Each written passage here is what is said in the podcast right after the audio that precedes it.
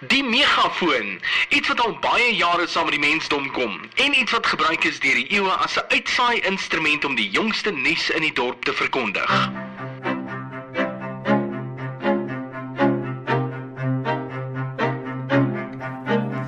Onthou daar was nie destyds internet, radio of selfs televisie nie. So die werk van nuus verkondig het die ou met die hardste stem in die dorp toegekom. Daar is egter 'n bietjie van 'n bekgeveg oor wie nou eintlik verantwoordelik is vir die ontwerp van die megafoon. Die geskiedenisboeke maak verwysing na die antieke Grieke wat al in die 5de eeu VG maskers met 'n tipe van 'n trompet gedra het om hulle stemme op die manier uit te basyn.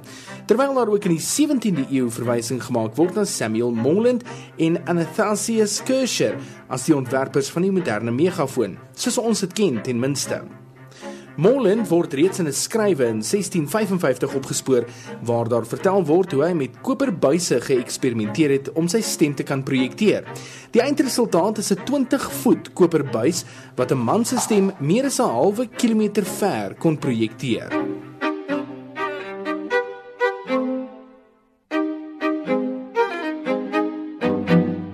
20 jaar voor dit word Kircher se ontwerp egter gevind. 'n Toestel wat in 'n muur van 'n huis gemonteer kon word sodat jy mense van buite kon hoor deur die klein deel van die megafoon en sodat jy met mense buite jou huis kon gesels deur die megafoon as 'n spreekbuis te gebruik. Die term megafoon word egter vir die eerste keer 200 jaar na Kircher en Molen deur Thomas Edison gebruik. Edison se ontwerp is as ware 'n opgradering op die aanvanklike ontwerpe en gebruik ietsie van albei. Die enigste verskil is die buise wat Edison bygevoeg het vir die ore en addisionele buise aan die binnekant om die klank suiwer te maak.